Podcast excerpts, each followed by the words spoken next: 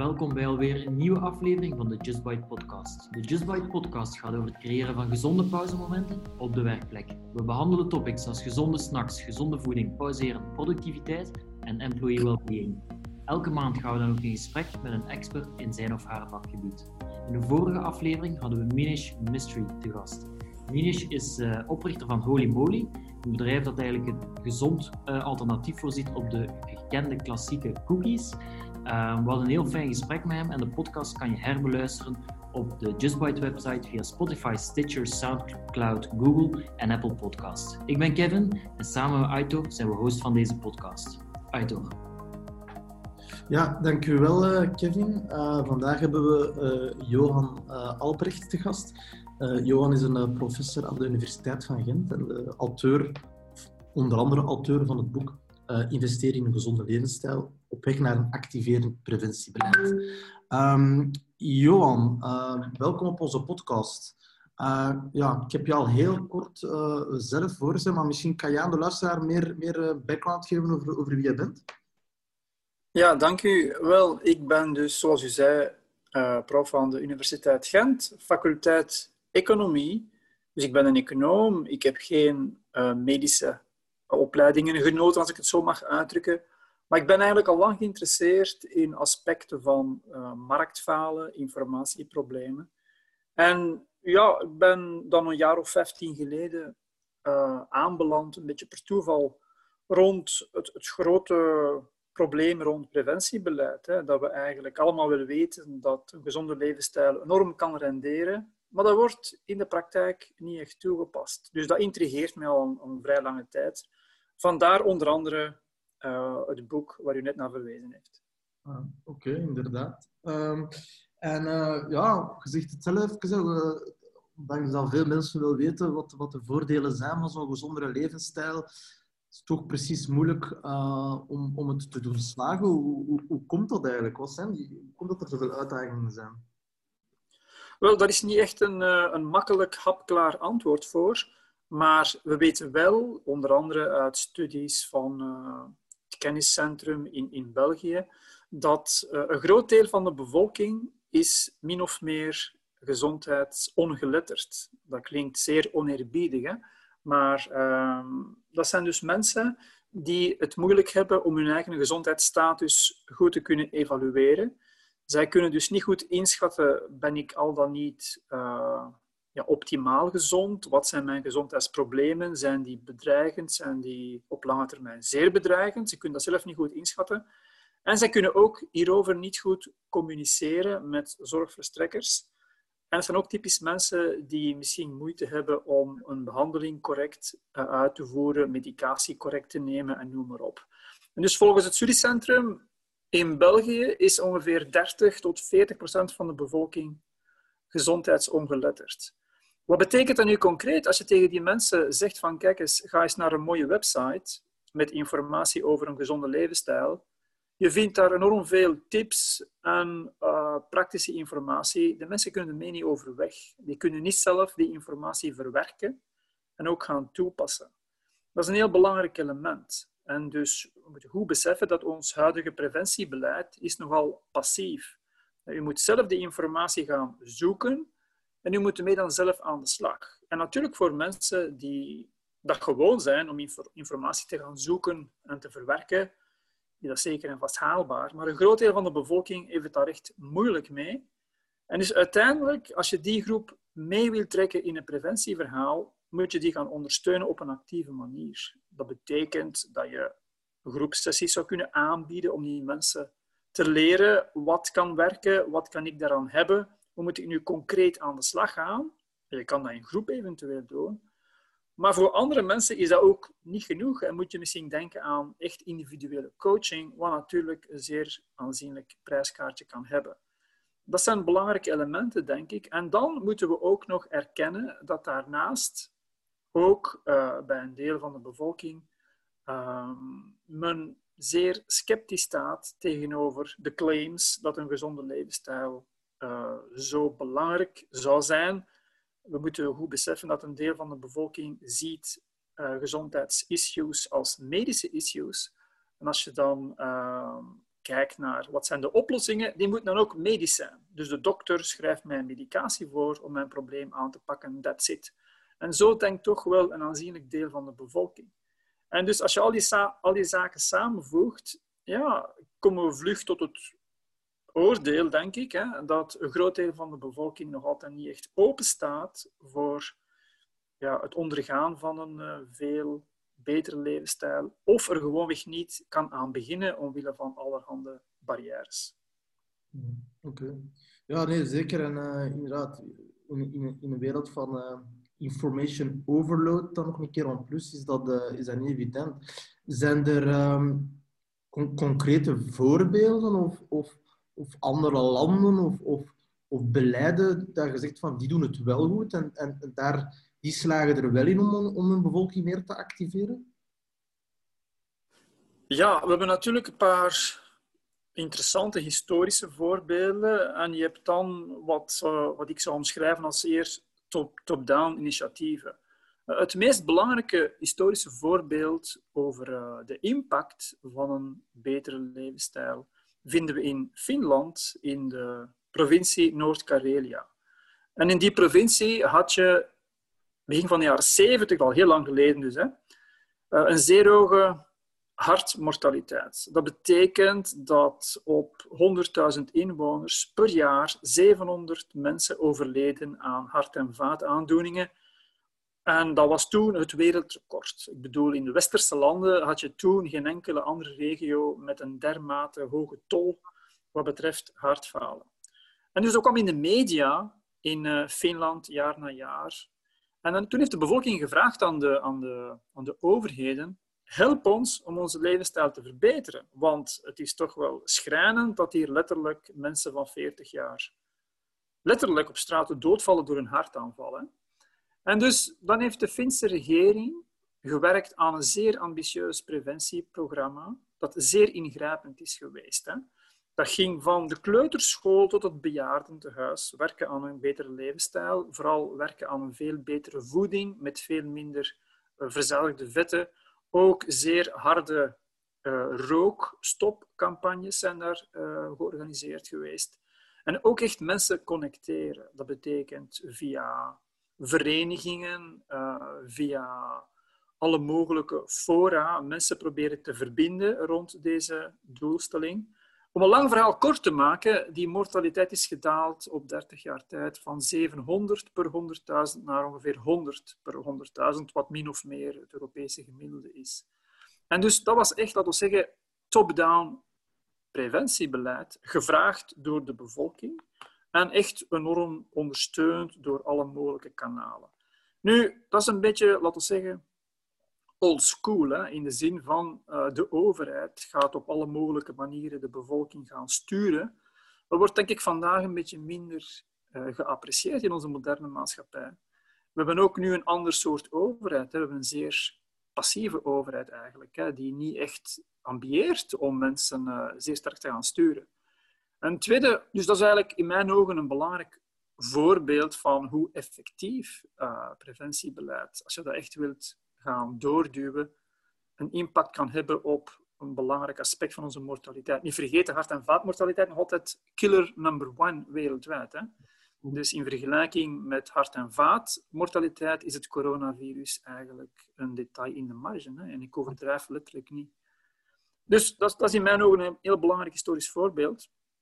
Nu, een totaal ander voorbeeld, uh, wat ik ook in mijn boek uitgebreid behandel, is het CHIP-programma. Een CHIP dat staat voor een algemeen uh, pakket van uh, initiaties, van, van groepsessies, om de levensstijl te verbeteren. En dat komt eigenlijk overgewaaid uit Canada en de VS, waar men dus mensen samenbrengt om gedurende twee maanden uh, 18 sessies bij te wonen over uh, chronische aandoeningen, het belang van levensstijl, voor het voorkomen van chronische aandoeningen en ook echt mensen praktisch ondersteund door samen kooklessen te volgen, samen te gaan koken, samen te gaan wandelen, bewegen, uh, mediteren, werken aan dingen zoals alcoholbeperking, stressbeperking en noem maar op.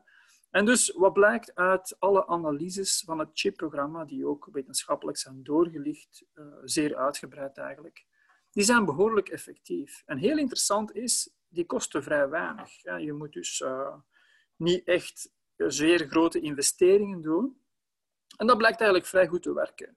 Eén groot probleem daarbij is wel dat ja, wie aan die programma's meedoet, die is natuurlijk per definitie een beetje geïnteresseerd in zo'n programma. Is ook waarschijnlijk een beetje gemotiveerd. En dus wat onderzoeken we eigenlijk de impact van zo'n programma op, laten we zeggen, min of meer gemotiveerde deelnemers. En dan concluderen we, ah, dat werkt vrij goed. Terwijl natuurlijk de echte essentiële vraag is, hoe kan zo'n programma ook iets betekenen voor misschien niet gemotiveerde deelnemers? Hoe kunnen we mensen motiveren om deel te nemen aan zo'n programma's? Dat blijft natuurlijk een beetje af te wachten. Hè? Maar dus om uw vraag te beantwoorden, zijn er wat betreft uh, historische top-down voorbeelden, is er zeer duidelijke evidentie dat levensstijl aandacht hard kan renderen. En je hebt ook, laten we zeggen, kleinschalige, meer bottom-up lokale initiatieven die ook goede resultaten kunnen voorleggen. Dus er is eigenlijk weinig discussie over ja, levensstijlkeuzes. Heeft dat enig medisch belang? Het antwoord is zeker en vast ja. Nee, absoluut. Uh, sterker nog, ja, inderdaad, je hebt twee richtingen, top-down, bottom-up. Ik denk dat wel de overheid misschien kan kijken naar bedrijven, misschien zelfs bedrijven zoals het onze, die ook wel die, die, die, diezelfde visie en missie ambeert om, om bij te dragen aan die, aan die gezondere levensstijl. Om die ja, een beetje ook een duwtje in de rug te geven. Want uiteindelijk zijn wij wel een bottom-up initiatief die aan een groot maatschappelijke uitdaging wil bijdragen. En dus ook van op de werkvloer, vanuit bedrijven, probeert mensen te sensibiliseren, te connecteren en uh, een duwtje in de rug te geven naar, alleen voor ons, wat ons klein deeltje dan aspect, uh, uh, de gezonde pauzemomenten te stimuleren misschien kan de, de overheid daar ook wel meer een activerende rol in spelen om die bottom-up initiatieven die er al zijn, misschien te doen helpen doen groeien. Ik weet niet of daar, daar bij de overheid naar gekeken wordt. Uh, wel, het is interessant dat u dat vermeldt eigenlijk, omdat uh, zeker in de VS uh, gebeurt dat vrij frequent eigenlijk al. Hè? Dus de wat eerder progressieve werkgevers, die hebben al vrij lang, programma's om de werknemers een beetje te betrekken in, in die zoektocht naar een betere levensstijl.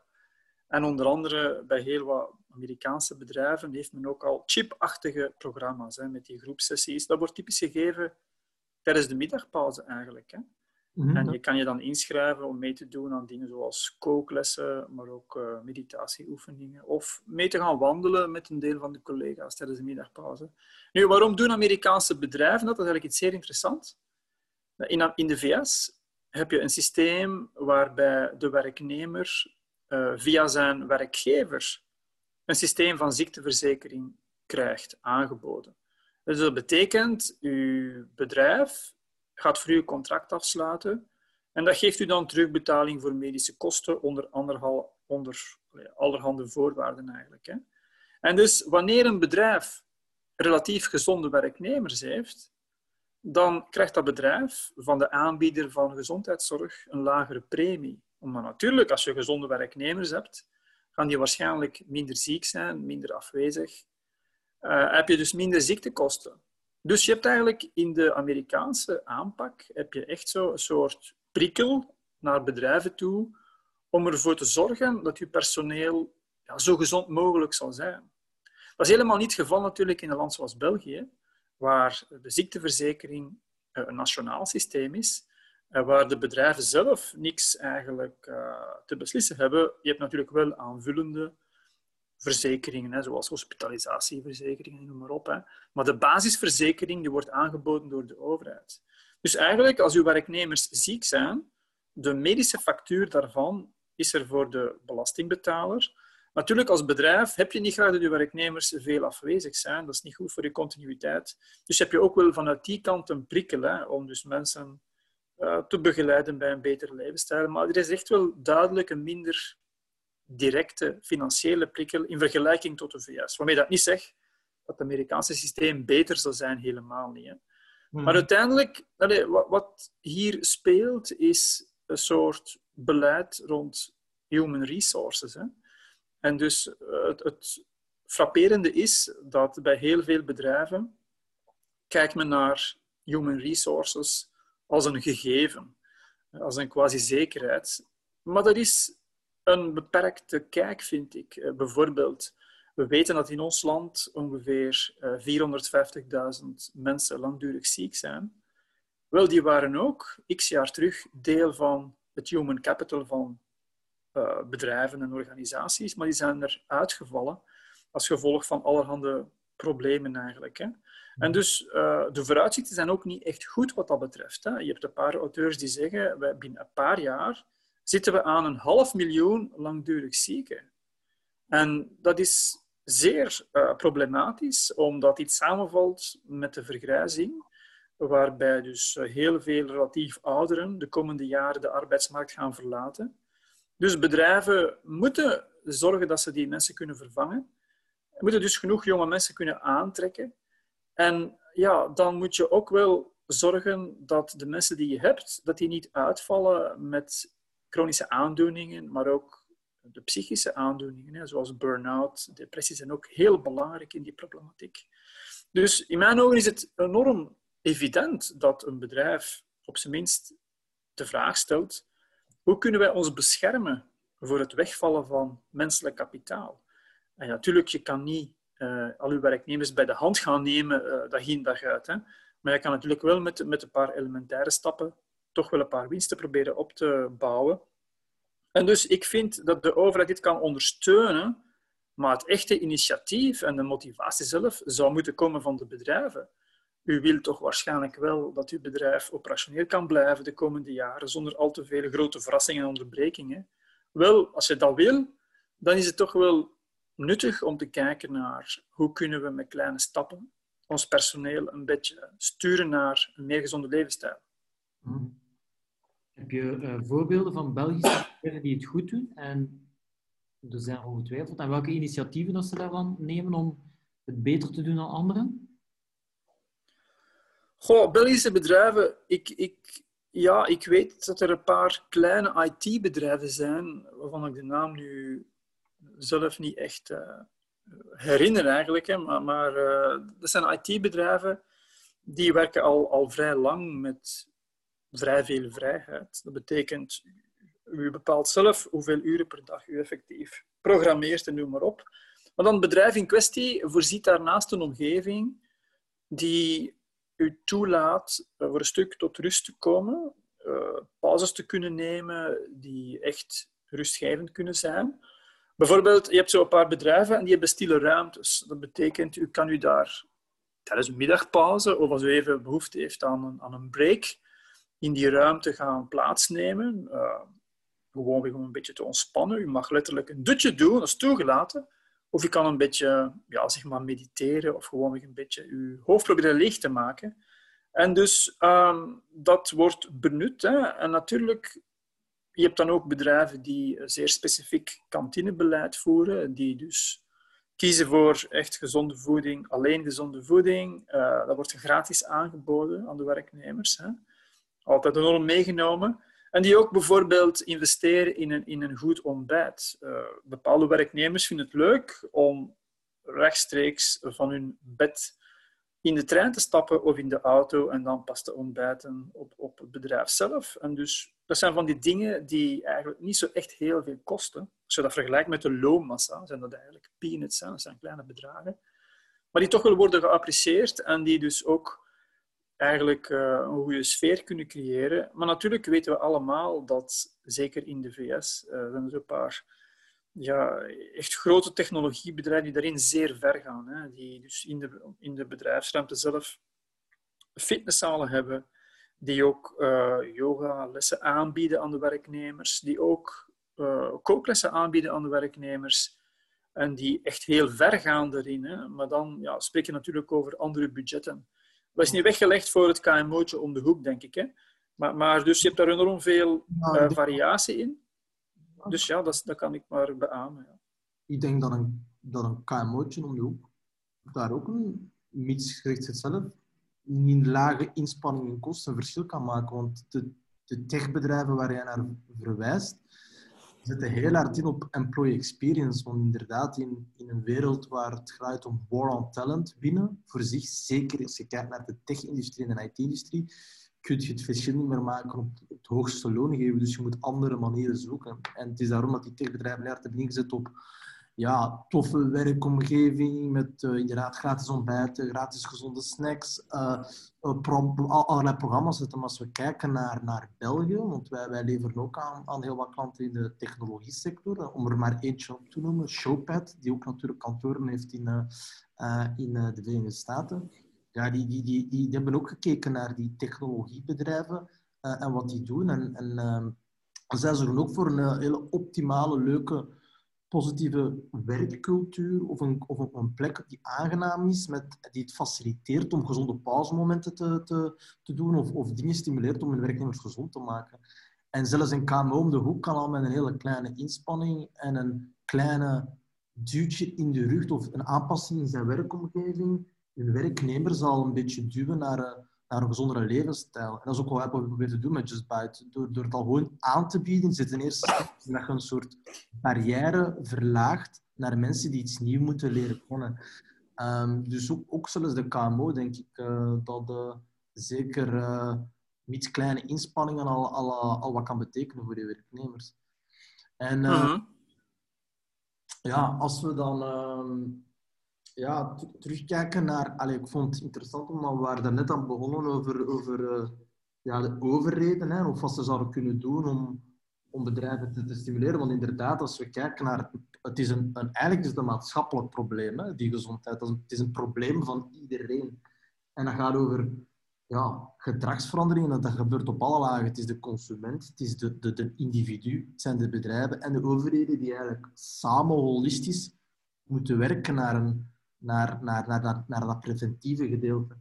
Um, ik vind het bijvoorbeeld interessant als je kijkt naar de overheid, als je kijkt naar het probleem van mobiliteit, hè, dan uh, het, het, auto aan is een, eh, een, een, heel groot probleem, waar ze dan gekomen zijn met een mobiliteitsbudget om daar proberen toch de, de, de werknemers die verslaafd zijn aan hun, aan hun, uh, aan hun wagen, aan hun individueel wagenbezit, uh, hebben ze daar met, met het concept gekomen van mobiliteitsbudget per werknemer. Ik denk dat dat misschien ook interessante piste kan zijn voor uh, de overheid om te kijken naar, ja, misschien moeten we een soort gezondheidsbudget creëren per werknemer. En waar de werkgever dan een rol kan spelen. En in je boek verwijs je ook naar een uh, individueel gezondheidsbudget. Kan jij misschien kijken uh, of toelichten wat, wat, wat, voor u dat concept betekent? Want dat was niet zo geïnspireerd door werkgever, maar echt op individu, juist? Ja, ja, ja dat klopt. Um, nu, wat, wat gebeurt er in de praktijk als iemand met een chronische aandoening uh, langs gaat bij de specialist of bij, bij een dokter? Dan gaat die dokter zeggen, ja, meneer of mevrouw, uh, wij kunnen u tijdelijk wat helpen met medicatie, maar u moet eigenlijk wel uw levensstijl echt aanpassen, wil je je problemen onder controle krijgen. En, en natuurlijk, dan gaat dikwijls de patiënt in kwestie zeggen, goed, dat klinkt goed, maar hoe moet ik dat nu concreet doen? Wel, een geneesheer, een specialist, die heeft geen tijd om aan elke patiënt een zeer uitgebreide uitleg te brengen over van hoe moet je gaan beginnen te eten, eh, wat is genoeg bewegen, enzovoort, enzovoort. Dat is ook hun taak natuurlijk niet. Hè? Dus in het beste geval kunnen die uh, geneesheren doorverwijzen naar bijvoorbeeld diëtisten of uh, lifestyle coaches en noem maar op eigenlijk. Hè? Nu, die doorverwijzing die gebeurt al in beperkte mate. Maar het probleem is natuurlijk, dat heeft ook altijd een factuur. En dus uiteindelijk ehm, zou ik pleiten voor mensen die echt steun nodig hebben, om die echt een budget toe te wijzen dat hun toelaat ondersteuning te kopen in de markt. Wat betekent dat dan concreet? U gaat terug bij die geneesheer of bij die specialist. U heeft bijvoorbeeld diabetes type 2 en u geeft te kennen, ik wil echt uh, werk maken van een beter levensstijl, alleen ik weet niet hoe. Dan kan u worden geregistreerd in een specifieke database uh, als iemand die zoekt naar ondersteuning. Men kan dan u een budget toekennen dat u toelaat om in uw omgeving bijvoorbeeld deel te nemen aan groepssessies rond wat doen indien je diabetes type 2 heeft. Of u kan echt dat budget gebruiken voor individuele coaching als u echt letterlijk iemand nodig heeft die u daar dagelijks een tijdje kan gaan begeleiden. Nu, zo'n budget is natuurlijk zeer individueel. Hè? We hebben allemaal waarschijnlijk een andere vorm van ondersteuning nodig. Maar als men zo'n budget zou toekennen, dan gaat natuurlijk in de markt de vraag naar ondersteuning toenemen. En als die vraag naar ondersteuning begint toe te nemen, gaat ook het aanbod van ondersteuning beginnen toe te nemen. Want nu uh, hebben we heel veel mensen met chronische aandoeningen, letterlijk miljoenen. Hè. Als je kijkt naar mensen met diabetes, verhoogde bloeddruk, verhoogde cholesterol, dat zijn echt miljoenen volwassenen. Die kunnen niet allemaal morgen worden geholpen door lifestyle coaches. Hè. Er is gewoonweg een groot onevenwicht tussen vraag en aanbod wat dat betreft. Hè. En dus ik als econoom ben vooral geïnteresseerd in een mechanisme dat die markt naar preventiediensten een duw in de rug kan geven. Want hoe meer markt er is, hoe meer aanbod van preventiediensten, hoe meer mensen kunnen worden geholpen eigenlijk. Hè. Nu, hoe, moet, hoe groot moet dan zo'n budget zijn? Dat is natuurlijk terug een beetje afhankelijk van wat je echt zoekt in de markt. En je zou kunnen zeggen, ja, wie gaat dat betalen? Want het is gemakkelijk om te zeggen, we gaan wat geld uitdelen aan mensen met chronische aandoeningen. Wel, niet vergeten, en dat wordt te weinig benadrukt, dat mensen met chronische aandoeningen, die kosten enorm veel geld aan de, aan de. Dus uh, ik heb in mijn boek uh, die oefeningen gepresenteerd. En het komt eigenlijk neer op ongeveer per jaar uh, een 15 miljard euro. Dat wordt besteed aan de behandeling van chronische aandoeningen, waarvan een groot deel eigenlijk te vermijden zal zijn dankzij een gezonde levensstijl. En in de literatuur, de wetenschappelijke literatuur, concludeert men toch uh, meestal dat ongeveer 80% van de chronische aandoeningen vermeden had kunnen worden mits het aanhouden van een gezonde levensstijl. En meer zelfs, je kan een groot deel van die chronische aandoeningen genezen door het opteren voor een gezonde levensstijl. En dus 15 miljard per jaar besteden we nu aan de behandeling van die chronische aandoeningen. Mochten we nu een deel van de mensen met chronische aandoeningen kunnen begeleiden naar een betere levensstijl, gaat die factuur van de medische behandeling natuurlijk in de toekomst gaan dalen. En dus ik pleit ervoor om een budget toe te kennen aan mensen met een chronische aandoening. Dat geld moet niet uit de lucht komen gevallen. Dat is gewoonweg geld dat we in de zeer nabije toekomst uh, kunnen besparen. Omdat ja, wanneer mensen effectief uh, die levensstijl kunnen verbeteren, hebben zij ook minder behoefte aan medicatie, hebben ze ook minder behoefte aan medische opvolging en medische behandelingen. En dus dat gaat zichzelf eigenlijk vrij snel kunnen terugbetalen. Laat me één voorbeeld geven. Mensen met diabetes type 2, als die uh, resoluut kiezen voor een, een optimaal gezonde levensstijl, een groot deel daarvan kan na een paar maanden tijd, dus niet na een paar jaar, maar na een paar maanden al, een groot deel van de medicatie afbouwen. Dat is een heel belangrijk element. En dus zo kan je het maatschappelijke rendement, uh, realiseren door aan het individu zo'n budget toe te kennen. Natuurlijk, ik heb ook in het begin benadrukt, dit, dit geldt alleen voor mensen die echt te kennen geven, ik wil aan de slag gaan. Hè. Ik wil mijn levensstijl echt bijsturen.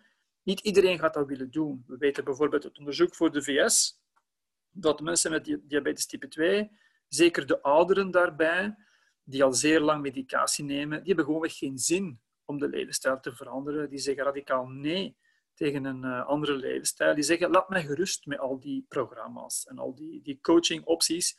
Ik wil gewoonweg doen wat ik als mijn leven al doe. Dus die mensen, oké, ja, als dat eigenlijk hun mening, hun wens is, zou ik zeggen, laat die gerust. Je kan die moeilijk met de zweep brengen naar een levensstijlprogramma. En dus die moet je niet lastigvallen met die opties. Maar zij die het wel willen doen, die vinden vandaag dikwijls niet de weg naar wie zou mij kunnen helpen, op welke manier. En dat is in mijn ogen een, een uiting van marktfalen. We moeten meer programma's aanbieden aan dat soort mensen. Dan kunnen ze kiezen naar wat zou bij mij kunnen passen. Als ze dan ook een budget hebben, kunnen ze ook effectief die factuur betalen, want niet alles kan natuurlijk worden gratis aangeboden, verre van. Dus je kan zo een marktdynamiek creëren die in mijn ogen vandaag ontbreekt en die toch wel een toegevoegde waarde kan leveren. Absoluut. Maar uh, had ik dan goed begrepen dat dat dan vooral zich gericht naar mensen die eigenlijk al een chronische aandoening hebben? Want dan is het preventieve toch al een beetje dan is het eigenlijk al te laat. Het zou eigenlijk nog, nog vroeger moeten in het, in het voorkomen van. Ja, ja zeker. Volledig, mee akkoord. En ik werk het ook eigenlijk in mijn boek een beetje zo uit. Maar je zou natuurlijk zo moet, je zou moeten beginnen, denk ik, met uh, de grote groep die vandaag uh, kampt met die problemen. En die gewoonweg, een deel daarvan zou willen uh, iets doen aan de medische problematiek door een betere levensstijl te overwegen. Maar die mensen staan vandaag er alleen voor. Die weten niet goed hoe moet ik er echt aan beginnen. En dus die groep kunnen we niet in de steek laten, vind ik. Hè. Ik vind dat we die groep moeten prioritair proberen ondersteuning aan te bieden. En natuurlijk, als we dit gaan doen, gaat ook binnen de algemene bevolking uh, het besef er komen van kijk, uh, investeren in een goede levensstijl, dat rendeert behoorlijk.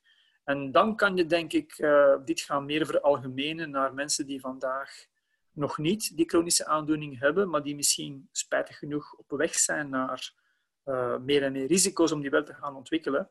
Maar het is gewoon in mijn ogen een kwestie van prioriteit. Uh, en ik denk dus, als je echt puur kijkt naar de medische factuur die we vandaag meesleuren voor chronische aandoeningen, dat het toch wel uh, belangrijk is om, om, om in de populatie die nu al chronisch ziek is, een deel daarvan toch wel intensief te begeleiden. Om ook die leereffecten mee te nemen en te kunnen meer veralgemenen aan de rest van de bevolking. Ja starten met een kleine groep waar, we, waar je het grootste impact kunt realiseren. Omdat er intrinsieke motivatie is langs de ene kant.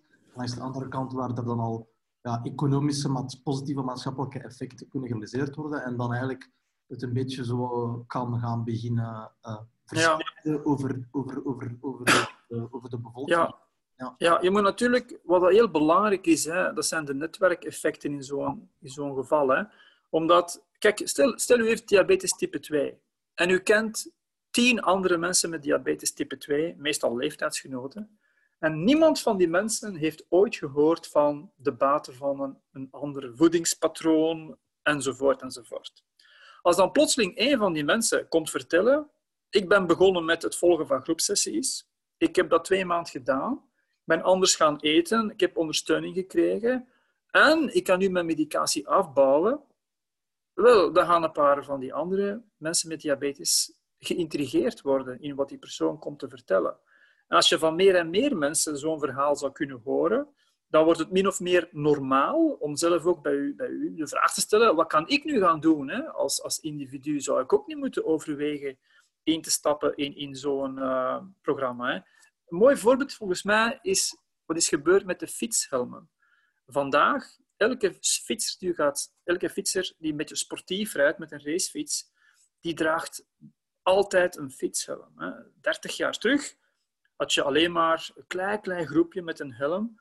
Maar iedereen vindt dat vandaag de evidentie zelf. Niemand zet dat nog in vraag eigenlijk. Het is gewoon de gewoonte. Nu val je op als je met een racefiets gaat rijden zonder een fietshelm op.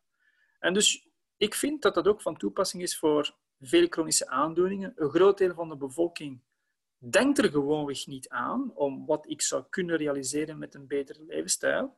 Maar natuurlijk, als de rest van de patiënten dat wel allemaal al doet en daarover vertelt, gaat iedereen, ook de mensen met de meeste sceptisch, op zijn minst overwegen. Zou ik ook niet echt uh, zo'n programma volgen om ook misschien die medicatie te kunnen afbouwen.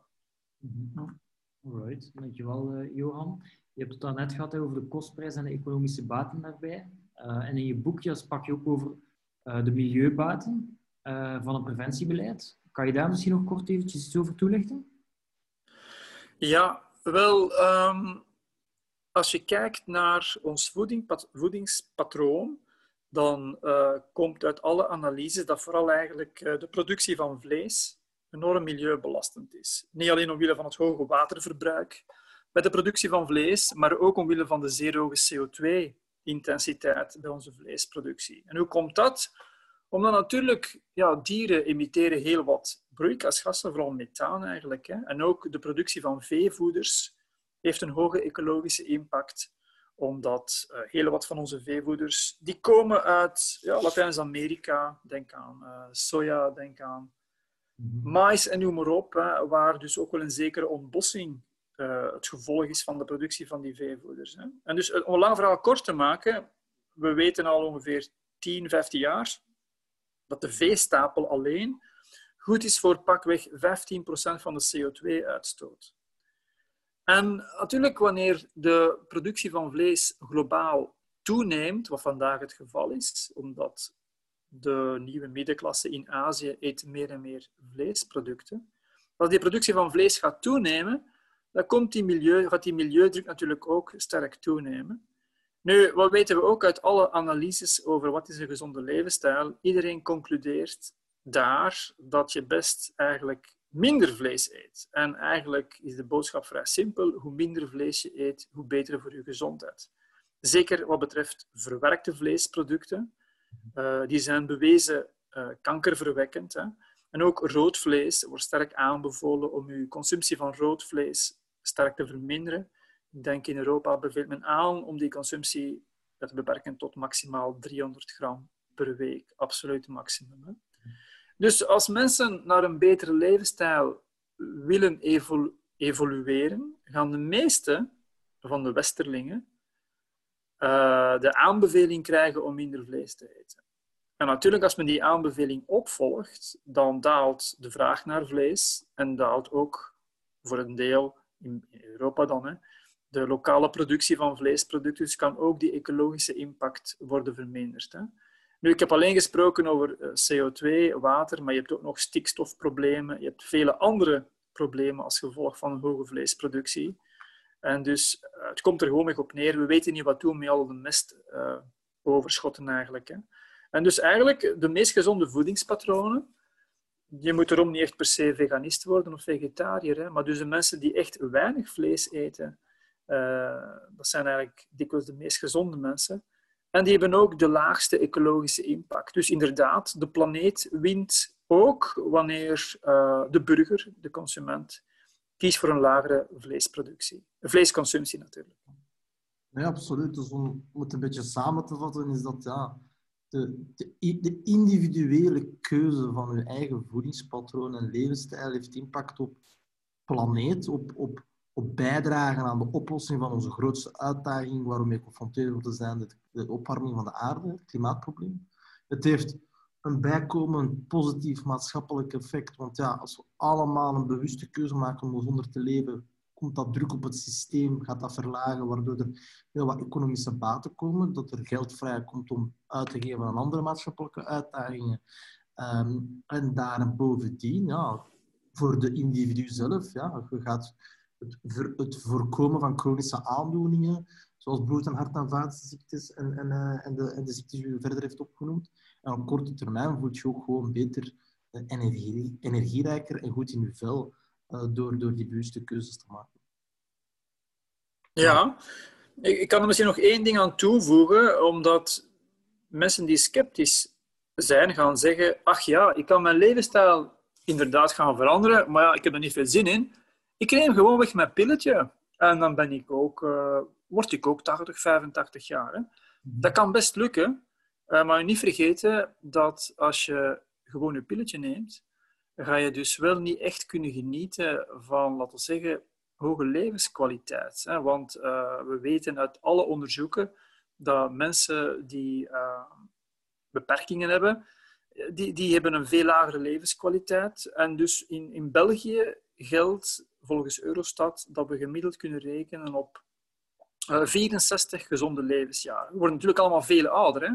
maar de echte kwalitatieve jaren, dus zonder allerhande beperkingen, dat is voor de Belg gemiddeld 64. Voor Zweden bijvoorbeeld, dat zijn de koplopers in Europa, daar geniet men gemiddeld van 74 kwalitatieve levensjaren. En dus, ja, je zou kunnen zeggen, met pilletjes word ik ook 85. Hè? Dus een paar keer een operatie ondergaan en pilletjes nemen, dat is ook voor mij prima. Oké, ik kan dat doen, maar u gaat wel zeker 10 jaar van goede levenskwaliteit minder kunnen genieten. U bent beperkt in uw bewegingen en noem maar op. En dus uh, dat is een heel belangrijk element, vind ik, omdat uh, op zich is denk ik niemand geïnteresseerd in zo oud mogelijk te worden. Ik moet ook niet per se 94 jaar worden. Hè.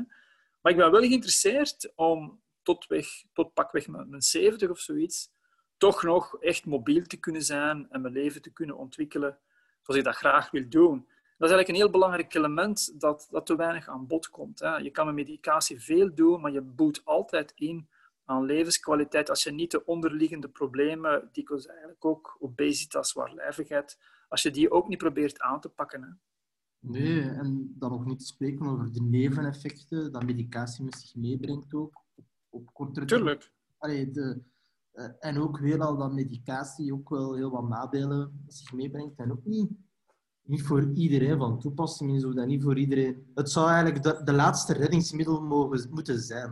En eigenlijk zou de, we willen zeker ook niet zeggen dat het niet nodig is, want het is voor zekere bepaalde mensen nodig.